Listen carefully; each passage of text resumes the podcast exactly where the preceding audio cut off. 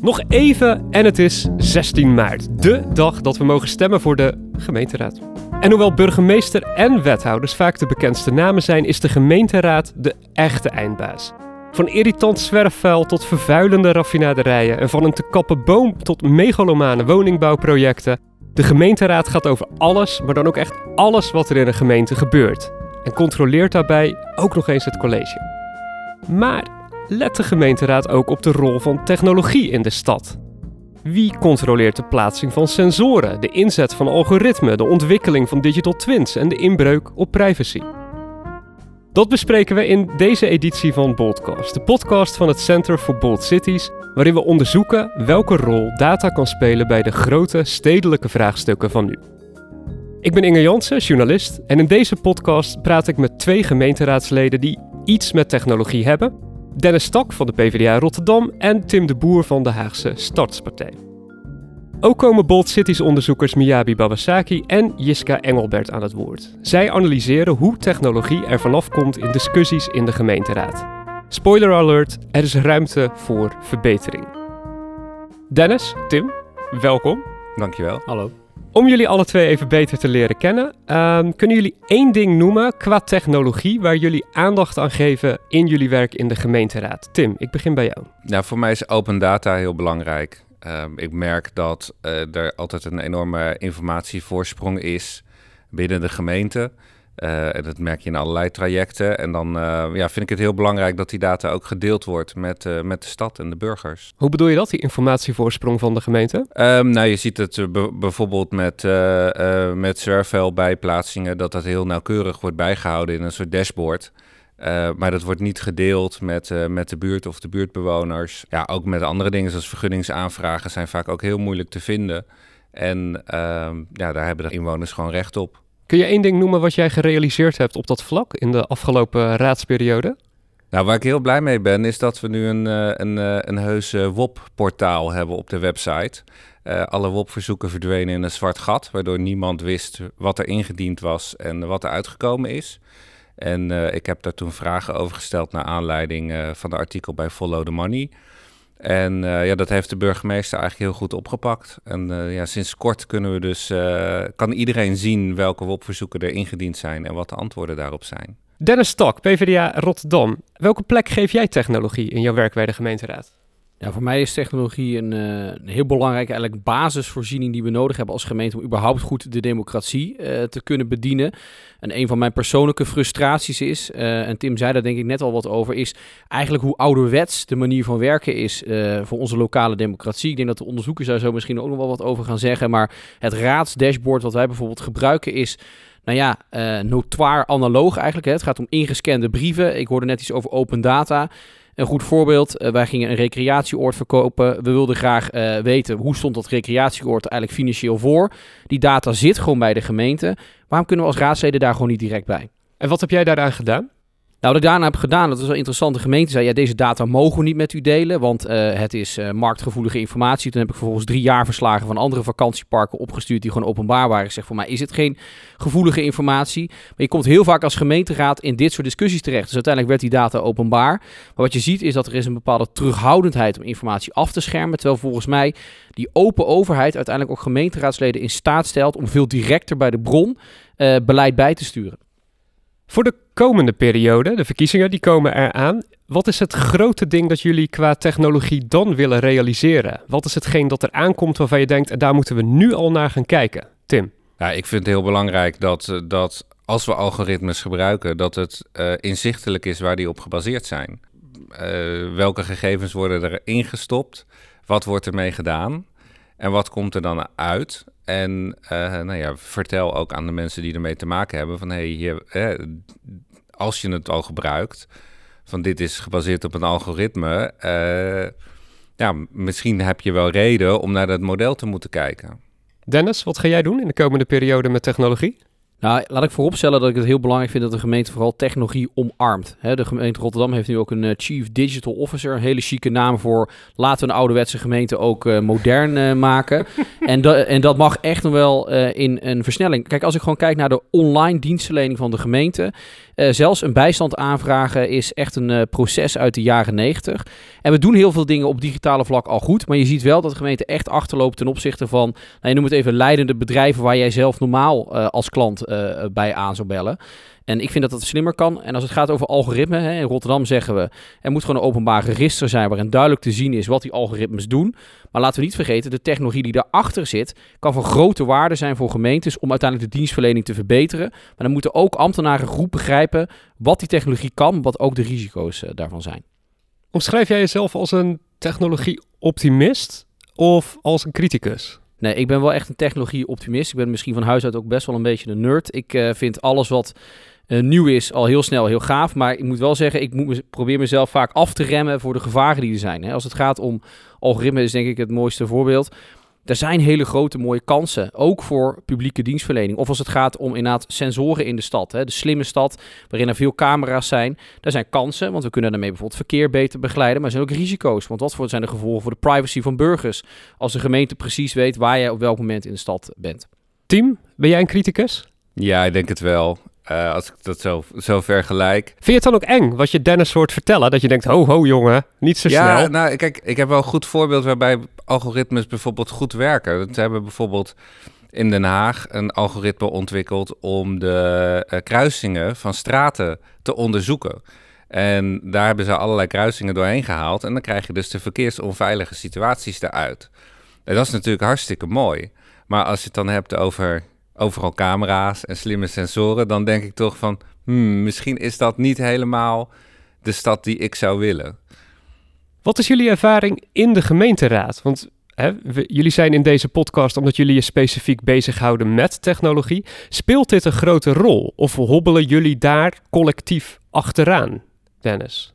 Ik heb het idee dat het is, een onder, het is een onderwerp waar eigenlijk te weinig aandacht voor is. En vooral, er is te weinig aandacht voor zeg maar, hoe belangrijk het op peil houden van die digitale infrastructuur is. He, dus voor heel veel mensen is het best een ingewikkeld onderwerp om te volgen. Het gaat ook over hele ingewikkelde dingen.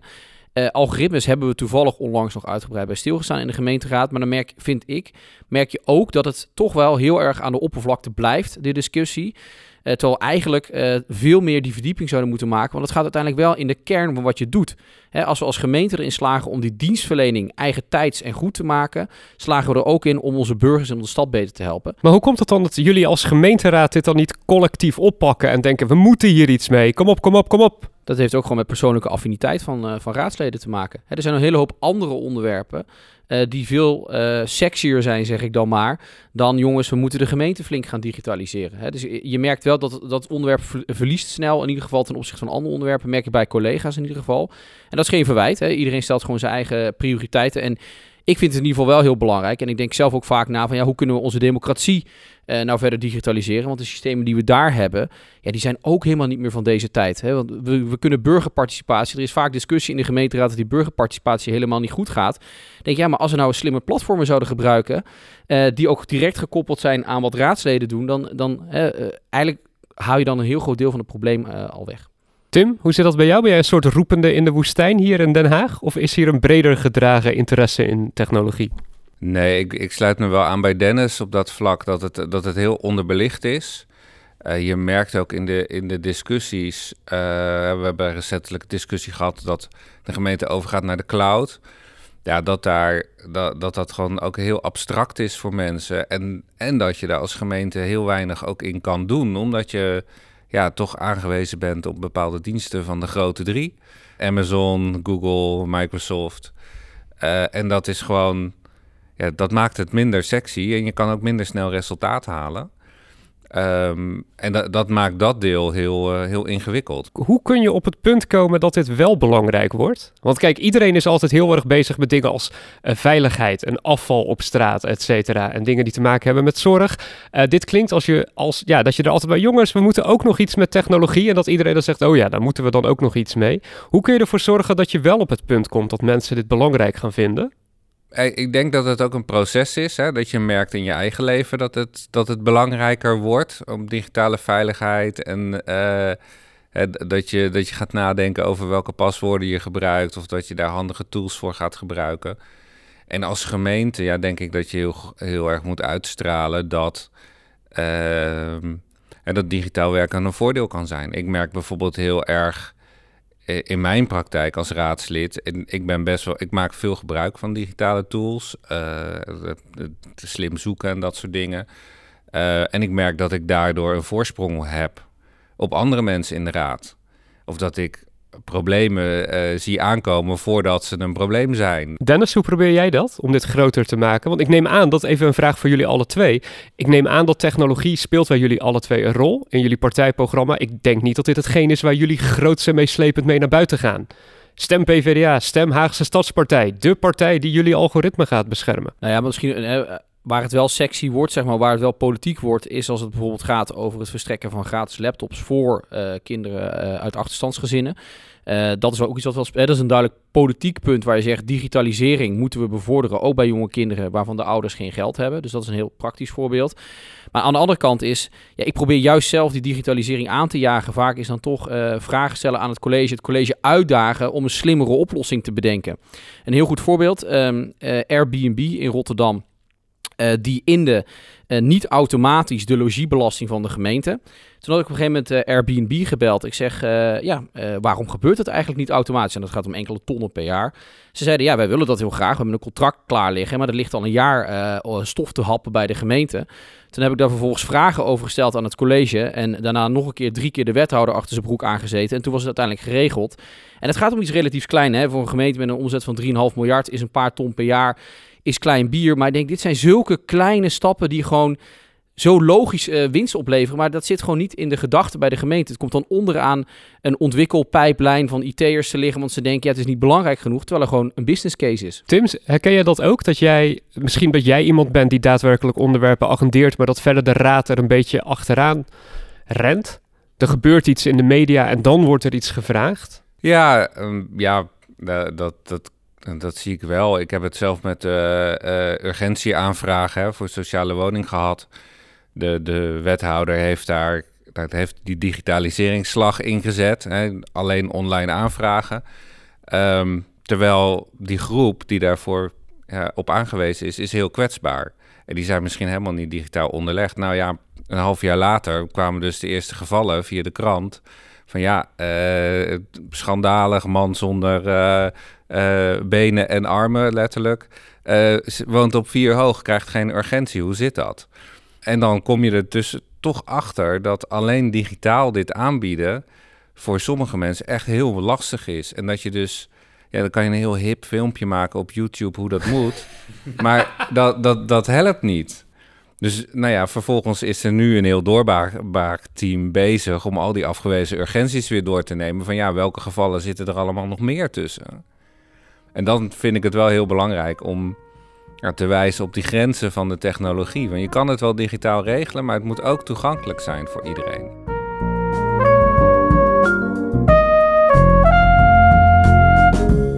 Miyabi Babasake, jij doet bij het Center for Bold Cities onderzoek naar waar het publieke en politieke gesprek over digitalisering plaatsvindt. Je hebt daarvoor onder meer een decennium aan raadstukken uitgeplozen, onder meer van de gemeente Rotterdam en Den Haag. Kun je iets zeggen wat er tot nu toe uit dat onderzoek blijkt? Uh, hoe doet technologie het in de stad? Uh, ik heb uh, dus inderdaad voor Den Haag bijvoorbeeld ondertussen 446 documenten gelezen van 2008 tot nu. En voor Rotterdam zijn al 272 documenten van 2009 tot nu.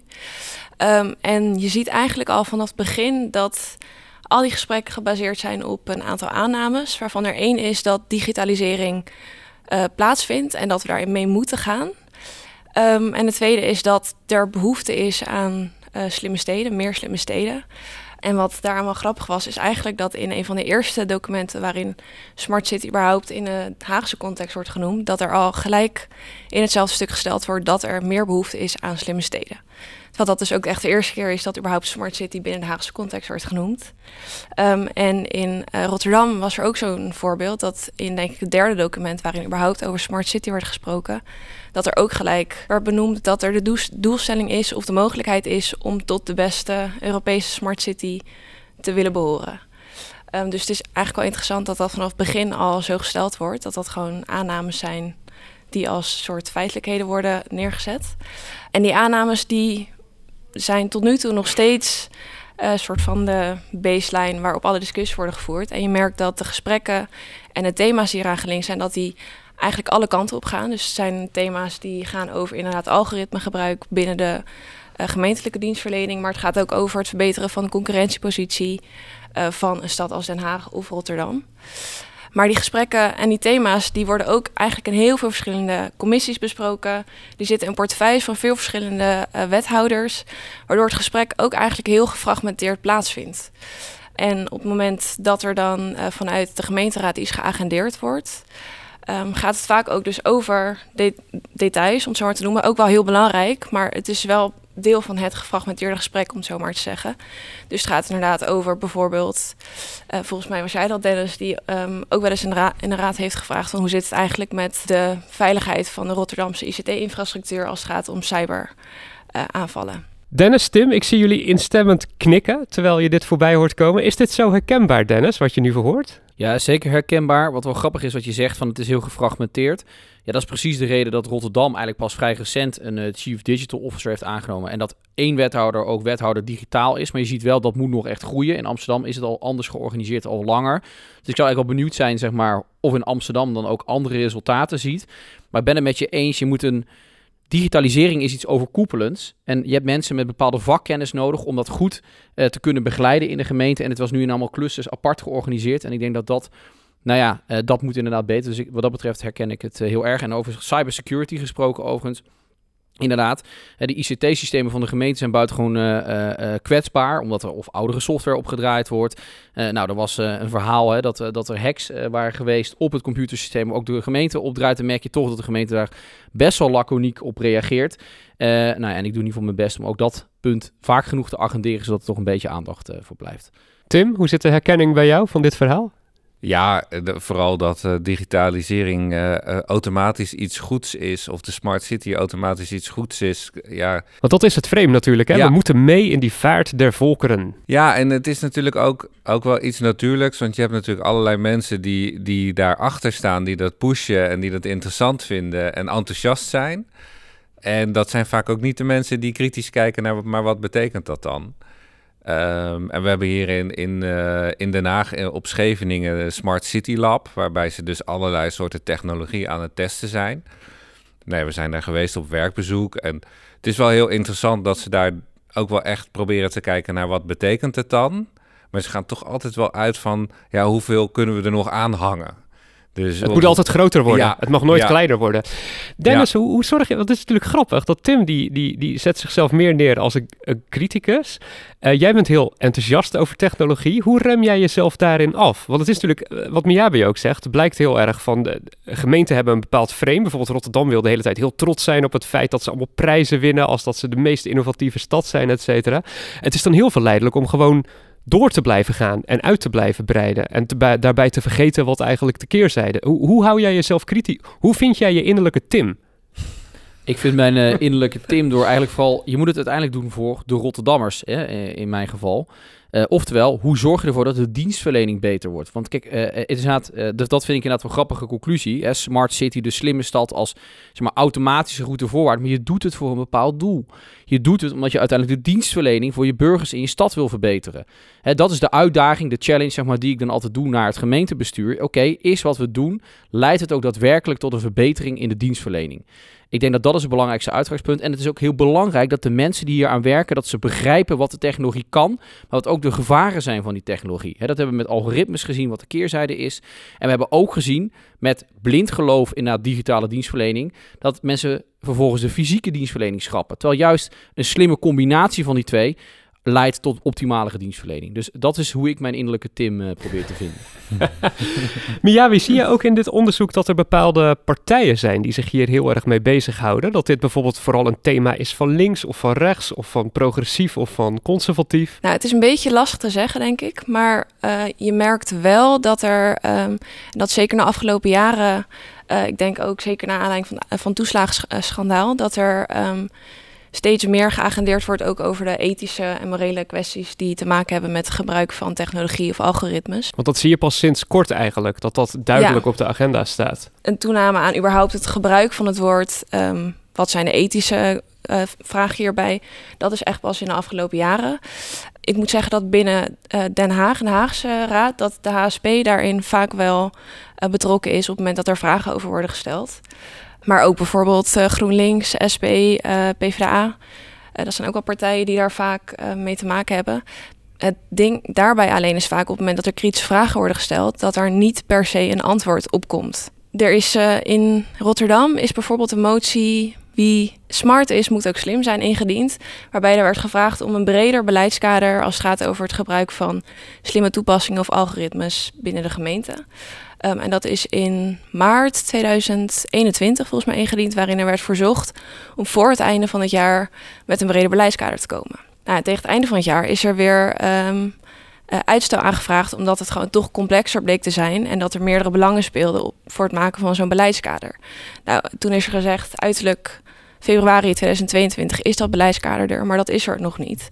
Terwijl het natuurlijk wel eigenlijk heel belangrijk is voor al die bredere kwesties die te maken hebben met technologie en um, slimme stad, smart city toepassingen. Nou, leg het maar uit Dennis, hoe zit dit?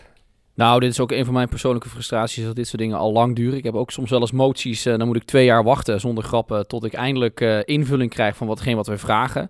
Nee, dat duurt heel lang. En ik vind ook dat, daarin zie je dus ook hoe ouderwets eigenlijk het proces is. Hè? Je dient een voorstel in in de gemeenteraad en in plaats van dat je iteratief gaat proberen, jongens, is wat we op papier hebben gezet, lijkt dat een beetje op waar jullie naar op zoek zijn, is het echt nog een ouderwetse, we reizen van A tot Z en we zien op het einde wel of het goed genoeg is. En dat zie je hier ook. Hè? Dus er komt straks ineens uit de donkere doos die de gemeente heet, komt een voorstel naar voren. En dan mag je maar hopen als indiener van die motie, ik heb geloof ik deze motie destijds ook gesteund, uh, ik ken de titel in ieder geval nog, mag, moet je maar hopen dat het dan ineens goed is. En daar zie je echt in, ja, dus dat vind ik interessant hè, in mijn andere leven, bij mijn andere werk. Wat doe je voor ander werk? Ja, ik werk bij de Rabobank en daar financier ik dus Nederlandse technologiebedrijven. Dus het is ook niet helemaal toevallig dat ik een passie heb voor, uh, voor technologie.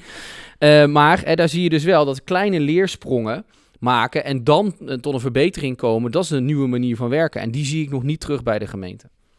Tim, is dit voor jou ook herkenbaar? Dat je geniale vragen stelt en dat het college daar... Uh... Oh, nee, dat is heel herkenbaar, maar dat is volgens mij ook... Nou, ik weet niet of dat wethouders eigen is, maar ik, ik mis vaak dat ze gewoon de kern van de vraag uh, niet beantwoorden. Dus je stelt een vraag en die kan ja of nee geantwoord worden. Maar ze willen geen ja zeggen. Dus dan komt er eerst uh, drie, vier zinnen. En dan uiteindelijk komt er een soort uh, formulering van ja, het, klopt. Maar echt gewoon antwoorden met ja, dat durven ze niet. Um, en dat zie je ook met heel veel van die technologievragen, is dat het, dat het dan half beantwoord wordt. En ja, dan moet je dus nog maar net weer willen doorpakken met nieuwe vragen, om door te vragen. En op een gegeven moment eindigt dat. En dat is misschien ook wel de tactiek van de wethouder hoor. Om, om, om een soort uitputtingsslag te doen. Terwijl vaak zijn het wel vragen die ja, bedoeld zijn om opheldering of om het beleid te veranderen. Miyabi, wat ga jij verder nog onderzoeken op dit onderwerp? We doen dit onderzoek ook voor um, andere steden, dus ook voor Utrecht, Eindhoven en Amsterdam. Dus uh, ik wil eerst die steden nog verder uitwerken en dan misschien ook kijken naar wat overeenkomsten en verschillen zijn. Uh, toevallig spreek ik ook regelmatig met uh, onze digitale woordvoerder in Den Haag, Barbara Katman. en in Den Haag is misschien ook nog wel de moeite waard. Den Haag Tweede Kamer bedoel ik dan in, in dit geval.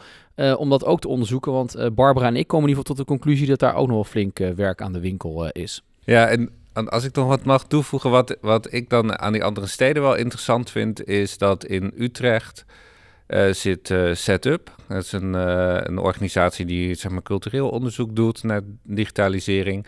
En in Amsterdam heb je natuurlijk ook een aantal van die partijen. En ik ben eigenlijk wel heel benieuwd of het stimuleren van die culturele kant van technologie ook invloed heeft op hoe de gemeente ermee omgaat. Waar moet ik dan aan denken, de culturele kant? Nou, uh, Setup heeft bijvoorbeeld een, uh, een traject gedaan over, uh, over hoe je gevolgd wordt digitaal. En dan kan je. maar bijvoorbeeld ook wat het betekent om, ja, om wel of geen Facebook te hebben, dat soort dingen. en die letten heel erg ja, veel meer op de ethische kant dan dat je dat ja, zou verwachten bij een gemeente. Miyabi, jij zei al van er wordt de laatste tijd, je ziet wel dat er steeds meer gedaan wordt met die ethische component. Zijn er nog andere trends die je ziet in jouw onderzoek, dat bepaalde onderwerpen juist wegvallen of dat die juist erbij komen, qua waar de aandacht ligt van de gemeenteraad voor technologie? Nou, ik heb wel het idee dat er ehm, dat veiligheid sowieso al vanaf het begin een hot topic was, dus het gebruik van camera's, maar dat er ook steeds meer wordt gesproken over het inzetten van slimme camera's met geluidssensoren, warmtesensoren, dus al die extra functies. Ehm, dat daar wel steeds meer discussies over gaan en dat is bijvoorbeeld ook wat jullie al eerder noemden als hot topic, de bijplaatsing van vuil bijvoorbeeld, dat daar uh, meer, meer slimme camera's voor ingezet willen worden. Ehm, maar daarbij wordt ook vaak gelijk de ethische kant erbij gehaald van moeten we dit willen? Ehm, en ik denk vooral de vraag moeten we dit willen, dat dat wel uh, een goede is om in gedachten te houden bij de gesprekken die uh, waarschijnlijk nog gaan komen over technologie inzet binnen de stad. Nou, wat misschien daar wel belangrijk bij is, is dat kijk, een camera uh, bijplaatsen bij afval, als het inderdaad, als je 100% zeker weet dat die beelden alleen maar gebruikt worden om het afval te analyseren en de beelden, nou, dat je zeker weet dat de privacy van mensen niet geschonden wordt, dan is dat denk ik een goede ontwikkeling. En wat is het gevaar is, is dat wij eigenlijk als gemeenteraadsleden te weinig in staat zijn om daar goed grip op te houden. Tim, ik denk dat die, die oproep voor open data, meer een open gemeente waarin wij eigenlijk onder de motorkap kunnen kijken. Dat geeft ons ook vertrouwen. Dat, dat zou ons ook vertrouwen moeten kunnen geven dat technologie op de juiste manier uh, ingezet wordt.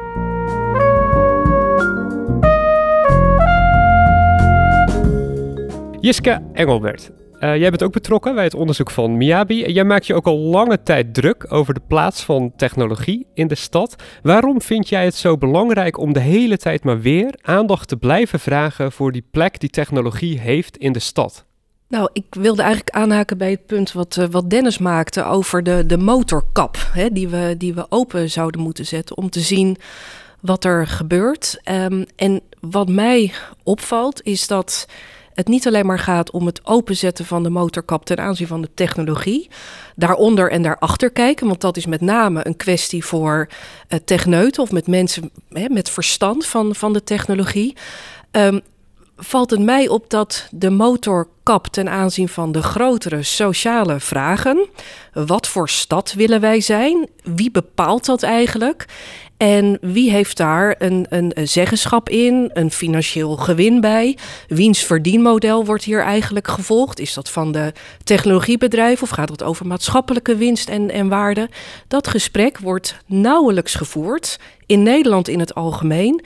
En met name op de plekken waar je dat gesprek zou verwachten, in de lokale politiek en de gemeenteraden, wordt daar nauwelijks die motorkap herkend en geopend. Er wordt alleen gekeken wanneer er problemen zijn met de auto, maar wat voor auto we überhaupt willen en welke kant hij op moet rijden, dat blijft volledig buiten de discussie. En de grote vraag, willen we auto's? Wanneer het bijvoorbeeld om de inzet van, van, van slimme camera's gaat, dan zie je inderdaad dat de vraag wordt gesteld, nou we maken de motorkap open, uh, wordt die echt alleen maar voor specifieke doeleinden gevraagd, uh, ingezet en kunnen we de maatschappelijke waarde afzetten door bijvoorbeeld te gaan kijken, wordt daardoor verkeer beter gereguleerd? Zijn er minder files? Kun je makkelijker een parkeerplaats plaats vinden.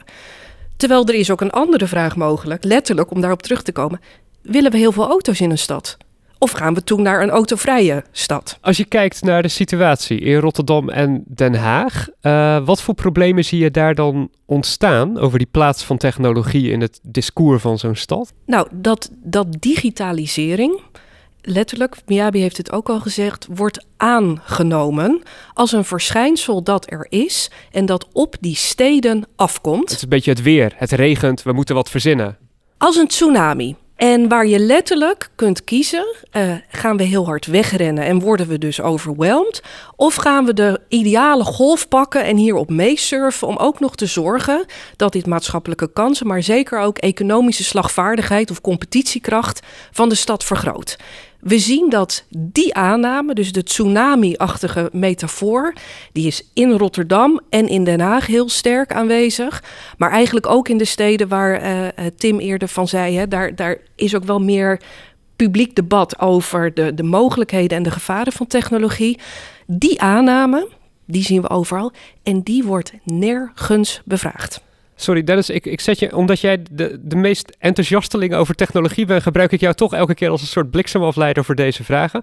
Wat zou jij in dat geval aan Dennis willen meegeven, Jiska? Hoe kan Dennis een beter frame geven, of beter, sorry, een ander frame geven uh, aan hoe hij met technologie omgaat? Nou, jij vroeg eerder aan Dennis, hoe spreek jij je innerlijke Tim aan? En ik zou inderdaad, hoe, hoe, spreek je je innerlijke Jiska in die zin aan? Door uh, vraagtekens te zetten bij digitalisering als een soort zichzelf voortstuwende beweging. Want het is namelijk een beweging waar het gemeentelijke apparaat met al haar samenwerkingen en partnerschappen een hele actieve actor in is. Dus die niet alleen maar de golf in beweging houdt, maar ook zorgt dat wij hem interpreteren als een tsunami, waar we inderdaad iets mee moeten. Nou, oké, ik denk dat het dus heel belangrijk is. En de, eh, eh, de innerlijke Jitska inderdaad wordt een beetje bipolair op deze manier, denk ik. Maar um, de innerlijke Jitska, die kun je vinden door, denk ik, je moet het ook als gemeente, het begrip van wat er gaat gebeuren, goed organiseren. En ik denk dat wat je net beschrijft, Jitska, is perfect uh, voor hoe de situatie inderdaad in ieder geval in Rotterdam is. Want dat herken ik heel erg, is dat de het komt op je af als je niet zelf in staat bent om het goed te begrijpen. En dat is precies, hè, in de gemeente is het altijd heel los georganiseerd geweest. Dus toevallig was er misschien op een afdeling iemand die veel met technologie heeft en die begrijpt het ook. Die kan dan ook vooruitdenken, die kan het ook in een context plaatsen.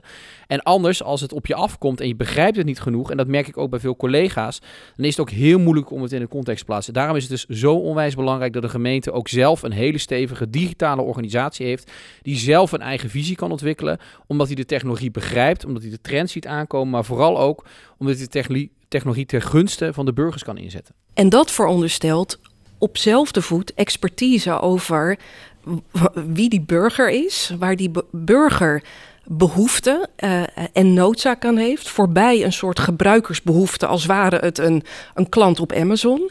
Um, en met name waar die stad naartoe beweegt, uh, door niet alleen maar het gebruik van technologie, maar ook het openzetten van de, van de politieke besluitvorming door grote private actoren. Voor wie Rotterdam totaal niet belangrijk is, maar alleen maar de positie van Rotterdam in een groter netwerk van, van global cities. Maar, sorry, je bedoelt met private actoren die technologiebedrijven waar we het over ja, hadden? Ja, uh, Tim had het eerder over, over de grote drie. Nou ja, het zijn er natuurlijk nog, nog veel meer grote. Dus het gaat eigenlijk om het, het normaliseren dat je voor vooruitstrevende projecten, en die aanname is er, digitalisering is slim, is goed, is vooruitstrevender, is efficiënter. Daarmee wordt gelegitimeerd dat je daar dus de, drie, de grote drie of hun logica uh, voor nodig hebt. Namelijk dat die expertise nooit binnen een gemeentelijk apparaat aanwezig kan zijn. Dat je daar dus state-of-the-art techneuten uh, voor nodig hebt. En dat vind ik op zich prima, hè? dat je investeert in meer kennis onder en, en dat er een motorkap is. Maar die motorkap geldt net zo en net zo belangrijk voor wat dit betekent voor de transparantie en het democratische gehalte van besluitvorming in en over de stad. Nou ja, parallel eraan een heel goed voorbeeld. Hè. We hebben nu heel veel deelscooters in, uh, in Rotterdam uh, staan. En daar, daar wordt heel veel waardevolle data mee verzameld. Hè. Hoe verplaatsen die scooters zich door de stad? Daarmee leren we heel veel over mobiliteit. En je merkt dus dat de gemeente Rotterdam heel verlegen is om dan gewoon heel hard met de vuist op tafel te slaan en zeggen: die data is van ons. Wij zijn de gemeente Rotterdam. Jij hebt hier een vergunning. Dit is onze data. Dat mag niet jullie verdienmodel worden. Jullie mogen alleen die scooters hier neerzetten.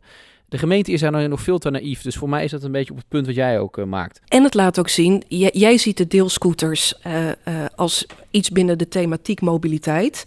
Um, maar je zou ook kunnen zeggen, die deelscooters zijn eigenlijk zichzelf bewegende dataplatformpjes in de stad.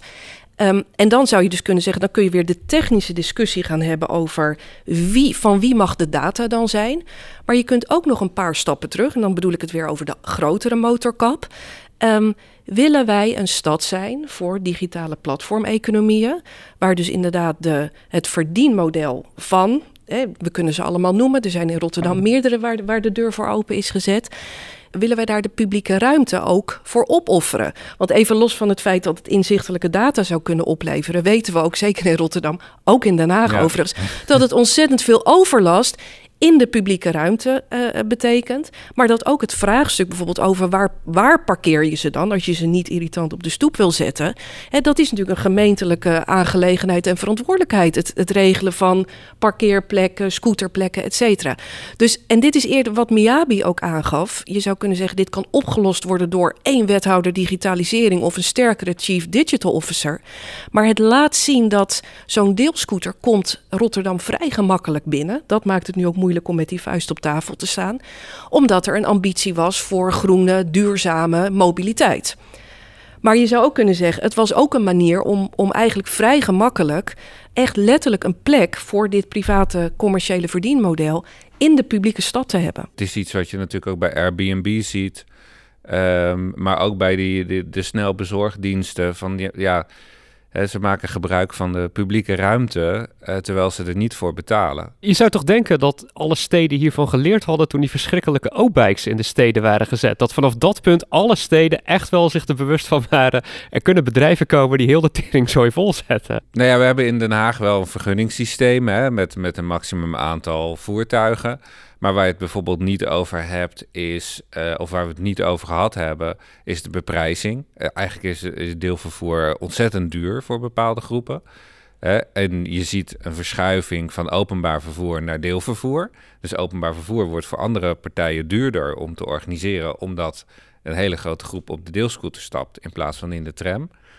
Ja, wat er ook nog meespeelt is, is het parkeren. Ja, het wordt gewoon niet meegenomen. En omdat het op de stoep is, accepteren we dat. Hadden, we, hadden die deelscooters allemaal op de rijbaan gestaan, dan waren ze al lang weer de garage ingerold. Nou, wat grappig is uh, hieraan, ik vind inderdaad dat de gemeente ook heel langzaam is, in Rotterdam ook. Uh, toevallig uh, recent heb ik zelf inderdaad daarvoor een motie ingediend in onze eigen gemeenteraad want er zijn namelijk gewoon digitale platforms ook, gaan we toch weer digitaal, uh, waarmee je ook de handhaving van die scooters kunt organiseren. Er is namelijk gewoon software beschikbaar voor gemeentes, waarmee al die scooterplatforms direct uh, toegang hebben tot het platform. En de gemeente kan zeggen, hier mag je ze wel parkeren, daar mag je ze niet parkeren. De gemeente Rotterdam heeft gezet, er komen parkeerhubs. Ik vind ook gewoon dat die betaald moeten worden door de platformen die graag gebruik willen maken van die scooters. Maar ook hier, ja, de gemeente is, vind ik, eh, niet daadkrachtig genoeg in het snel uitrollen van die hubs. Ik was vorig jaar zomer was ik in Parijs. Ja, daar mag je ze alleen op vaste plekken parkeren. En dan is het goed, want de grootste ergernis van de scooters is niet dat die scooters er zijn, is dat ze op het trottoir staan. Dus zorg er gewoon voor dat er parkeerplaatsen zijn voor die scooters. We willen minder auto's in die stad. Nou, dat is wel iets waar een meerderheid van de Rotterdamse gemeenteraad achter staat. Dus komen er parkeerplekken vrij en die parkeerplekken kun je gebruiken voor scooters. Maar organiseer dat, dat het snel gebeurt, want die, e-, die platformeconomie is zo snel dat je al, al snel achter de feiten aanloopt als uh, gemeente. Nou ja, en dat, dat is wel het punt. Dit, dit sluit ook aan bij dat idee digitalisering gaat zo snel. Hè? Dus we, we moeten mee of we verzuipen.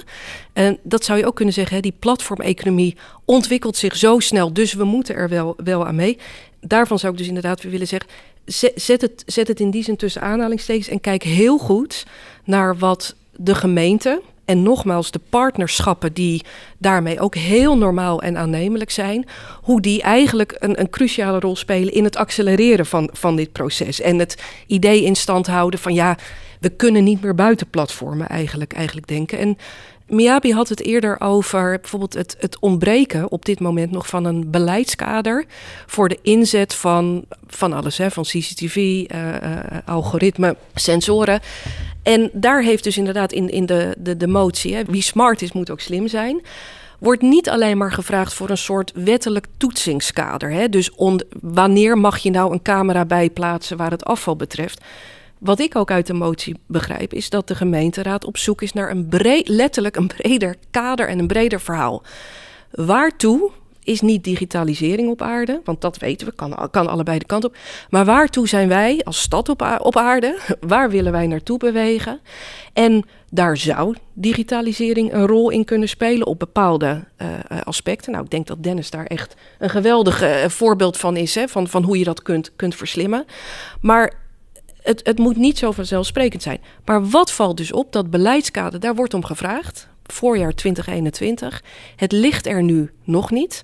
Het gaat er waarschijnlijk voorlopig ook nog niet komen. Uh, terwijl inderdaad de Chief Digital Office in, in Rotterdam nu bezig is met een brede uitvraag over dat beleidskader.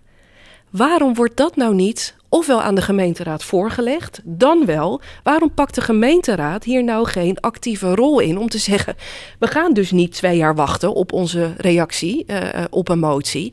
Dit is onze proactieve agenda voor de kaders waarbinnen de ambtenarij dient te gaan bewegen. Tim, als laatste van deze podcast. Wat uh, neem jij mee van dit gesprek? Wat ga je anders doen nu je in deze podcast hebt gezeten? Um, nou, ik, misschien het enthousiasme van Dennis over ja, technologie? Nee, ik, ik, kijk, ik, ik, ik zie zeker wel de meerwaarde van technologie. Alleen ik zie ook zeg maar die negatieve kanten van die platformeconomie waarbij uh, iemand een, een partij enorme schaalgrootte probeert te bereiken en dat je daarna vervolgens uh, zeg maar de prijs mag gaan betalen. Um, dus het gaat ook heel erg over eigenaarschap van, van de data en van het platform. En ik denk dat ik dat heel goed mee kan nemen. En ik denk daarnaast, waar, waar ik wel eens ja, intern over gepraat heb. Je hebt bepaalde commissies in de gemeenteraad, commissie ruimte, commissie samenleving, commissie bestuur. Ja, misschien moeten we in de volgende periode wel een commissie uh, digitalisering hebben, waarbij juist al die aspecten van die digitalisering steeds op tafel komen en waarbij je dus ook als commissie samen een soort richting kan bepalen of een gesprek kan voeren over wat dat betekent. Dennis, voor jou de komende vier jaar, wat uh, heeft dit gesprek daaraan bijgedragen? Ik denk overigens dat die commissie digitaal een buitengewoon goed idee is. In de Tweede Kamer is om dezelfde reden ook een commissie digitaal uh, nu ingesteld.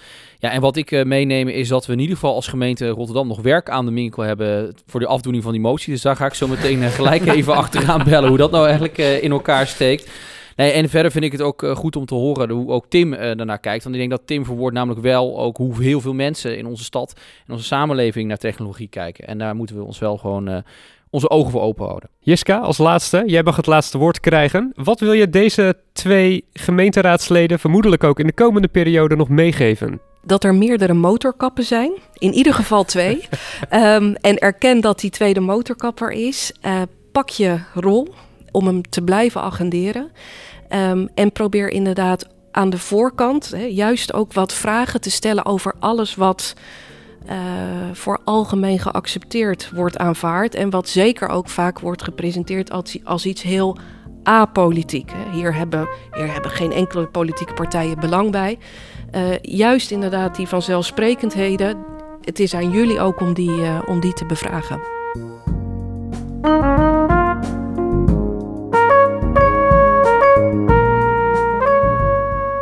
Miyabi Babasaki en Jiska Engelbert van het Center for Bold Cities, Tim de Boer van de Haagse Stadspartij en Dennis Stak van PvdA Rotterdam bedankt voor dit gesprek.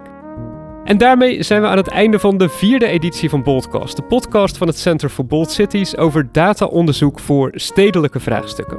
Als je meer wil weten over het onderzoek van dit centrum, kijk dan op www.boldcities.nl en je vindt hier naast deze en andere podcast alle inzichten van de onderzoekers. Bedankt voor het luisteren en graag tot de volgende editie van Boldcast.